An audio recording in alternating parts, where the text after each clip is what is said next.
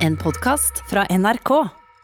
Før vi går til eh, teaterscenen, så skal vi snakke om det som skjer på film- og eh, TV-seriescenen. Golden Globe ble jo avholdt for 78. gang i natt, og da digitalt selvfølgelig, på grunn av eh, smittefaren. De store vinnerne ble TV-serien The Crown, The Queen's Gambit og filmen Borat. Så Aida Korami, hva kan du fortelle mer om Golden Globe 2021? Ja, Vi kan jo høre hvordan skuespilleren Emma Corrin reagerer når hun vinner prisen for sin rolle som Diana i The Crown. And the Golden Globe goes to Emma Corrin, The Crown.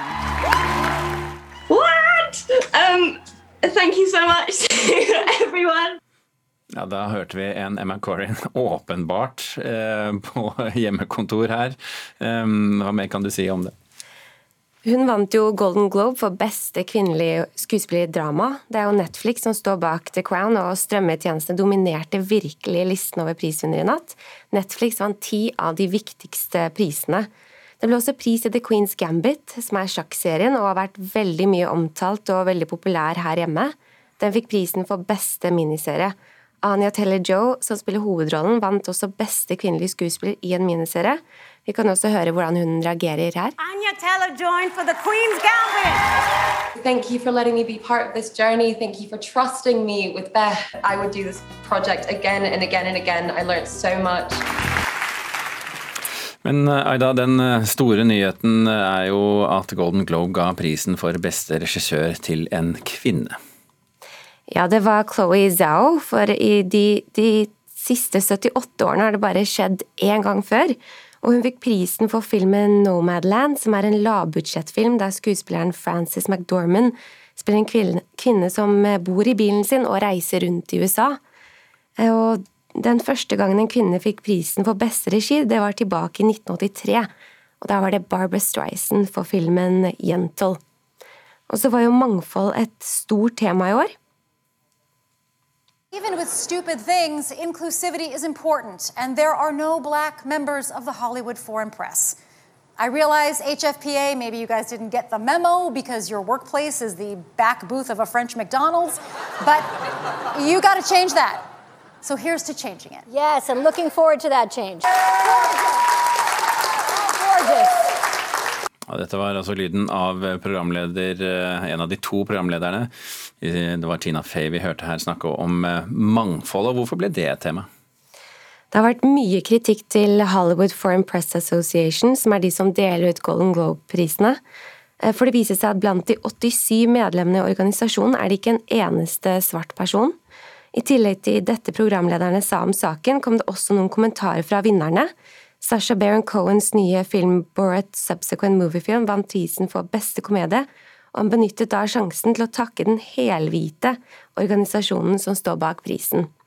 Samtidig ble flere prosjekter med et sterkt budskap om borgerrettigheter og mange svarte artister anerkjent i løpet av det tre timer lange showet.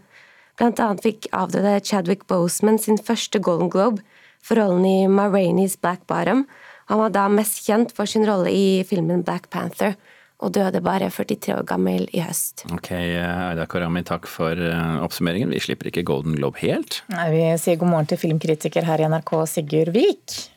God morgen. Rammene for denne utdelingen var, eh, som vi hørte, litt annerledes i år. Hørte bl.a. skuespiller Emma Corrin på hjemmekontor her. Hva, hva gjorde det med showet? Eh, ja, uten å ha sett det, for i år så gikk ikke Golden Globe-utdelinga på norsk TV. Så er det jo tydelig at eh, det er flere celebre hjemmekontor vi har fått sett. Blant annet så har da Bill Murray gjort seg bemerka i hawaiiskjorte. Eh, og vi har fått innblikk i hvor mange dører egentlig Jeff Daniels har hjemme. Så det er jo klart det åpner opp en, en ny verden i så måte. Og det var også første gangen Golden Globe-utdelinga ble leda fra to forskjellige byer, da Tina Fey og Amy Powler sto henholdsvis da i Los Angeles og New York for å få det her til å å gå rundt da i en pandemiverden.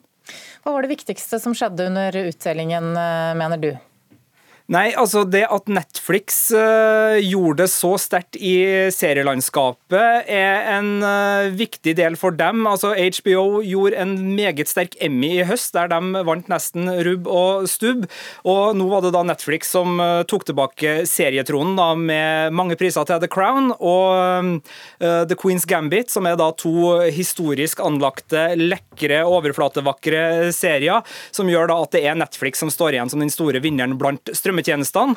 Eh, og så er det jo eh, interessant også da at eh, det var litt politiske filmer som vant. altså Borat som vant for beste komiserie er jo virkelig en film som direkte går inn i det politiske landskapet i USA.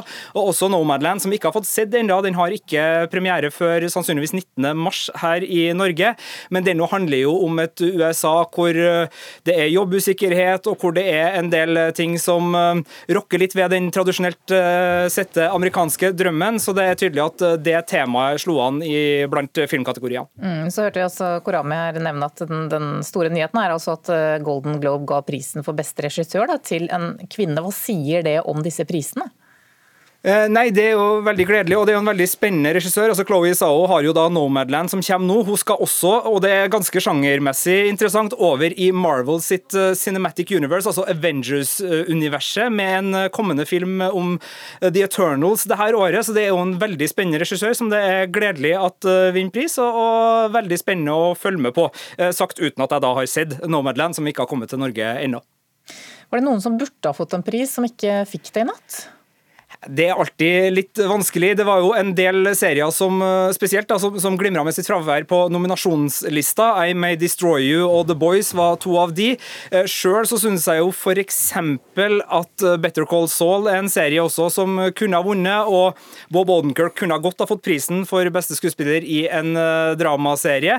Men man skal jo hedre de som vant, og det var jo ingen store overraskelser blant de aller største kategoriene i år. The Crown, en stødig stødig vinner for beste dramaserie. Shits Creek gjorde rent bord på Emmy, så den var grei. Nomadsland og Borat, to uh, sterke filmer. Soul, eller Sjel da på norsk, som vant for beste animasjonsfilm, en Disney-film som virkelig har gjort seg bemerka.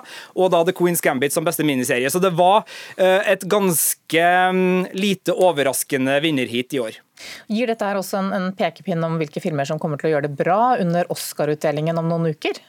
Ja, jeg tok en liten sånn anekdotisk undersøkelse her. og det viser seg da, altså eh, Golden Globe har to filmpriser, og Oscar har én. og Likevel så er det bare rundt halvparten av gangene at den filmen som vinner en av Golden Globe-prisene, stikker av med Oscar. Så ja, skal man si 50-50?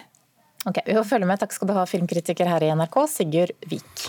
Og Apropos drama. Da Donald Trump ble valgt til USAs president i 2016, så satte den tyske dramatikeren Marius von Mayenburg seg ned og skrev et teaterstykke i ren frustrasjon. Riksteatret turnerer nå med denne forestillingen.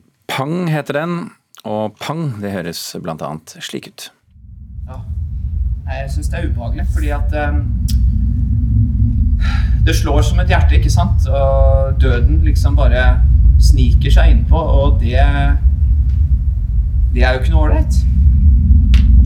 Vi har ikke lyst til å være alene med oss selv og denne perkusjonsmuskelen i brystet som nådeløst banker bort vårt forråd av hjerteslag. Vi har ikke tid til å tenke på tida. Det hørtes jo ikke ut som Pang, og en av grunnene til det er jo selvfølgelig at dette var eh, Rolf Pang, spilt av Olav Våstad i altså Riksteaterets oppsetting av teaterstykket Pang. Stykket er skrevet av den uh, tyske dramatikeren Marius von Mayenburg, som sagt. Uh, teaterkritiker uh, Karen Frøsland Nystøl, trenger vi Trump også i scenekunsten? Nei, vi gjør vel kanskje egentlig ikke det. Og vi er vel òg ganske metta, vil jeg tro, på Trump òg etter hvert. Men det vi trenger, det er en iscenesettelse, en diskusjon av, av, hva vi velger, og av hvordan verden dreier politisk. Og det kan dette stykket si litt om. Det er samtidig litt rart, nesten, å se det nå etter Trumps valgnederlag og etter storminga av Kongressen og alt dette her selv om stykket på en eller annen måte òg peker fram mot at dette kan skje. Sånn at eh, Da jeg satt og så det, så, så er det liksom du sitter, tilba, sitter og så ser du deg tilbake og tenker hvordan i all verden kunne alt dette skje? Hvordan kan en sånn person få makt? Og det, det sier stykket ganske mye om, faktisk. Men, men sånn sett, da burde det kanskje vært satt opp for to år siden, da? Ja, egentlig. Okay. Hva, hva handler det om? Det er en satire. Det handler om hvordan man Om skapinga og iscenesettelsen av en tyrann. Dette er, som du sa, Rolf Pang sin historie om seg sjøl i form av en livesending eller et show, rett og slett. Der han selektivt da forteller si historie. Den starter før han blir født, der han da kveler tvillingsøstera si i mors liv for å entre verden som the one and only.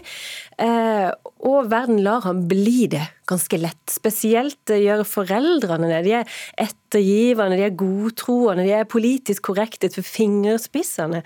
Og det gjør at den bisarre babyen som river hodet av teddybjørnen og beføler barnevakta si og, og, og liksom går klar med det, den kan bli en tyrann i en babykropp. For Rolf Pang er liksom både fem år og på en måte voksen på en gang i dette stykket. Det høres jo strengt tatt mer ut som psykologi. Hvor, hvor ligger det politiske, den politiske kritikken i stykket? Ja, Den ligger i de som lar, altså, det er en kritikk av de som lar dette her skje, egentlig. Både gjennom å velge fram noe sånt, men òg de som fostrer opp et sånt vesen som dette her. Eksempelvis så er Rolf Pang sine foreldre våpenmotstandere, selvfølgelig, men det går ikke lang tid før han sitter med et arsenal av våpen som han kan gjøre hva han vil med.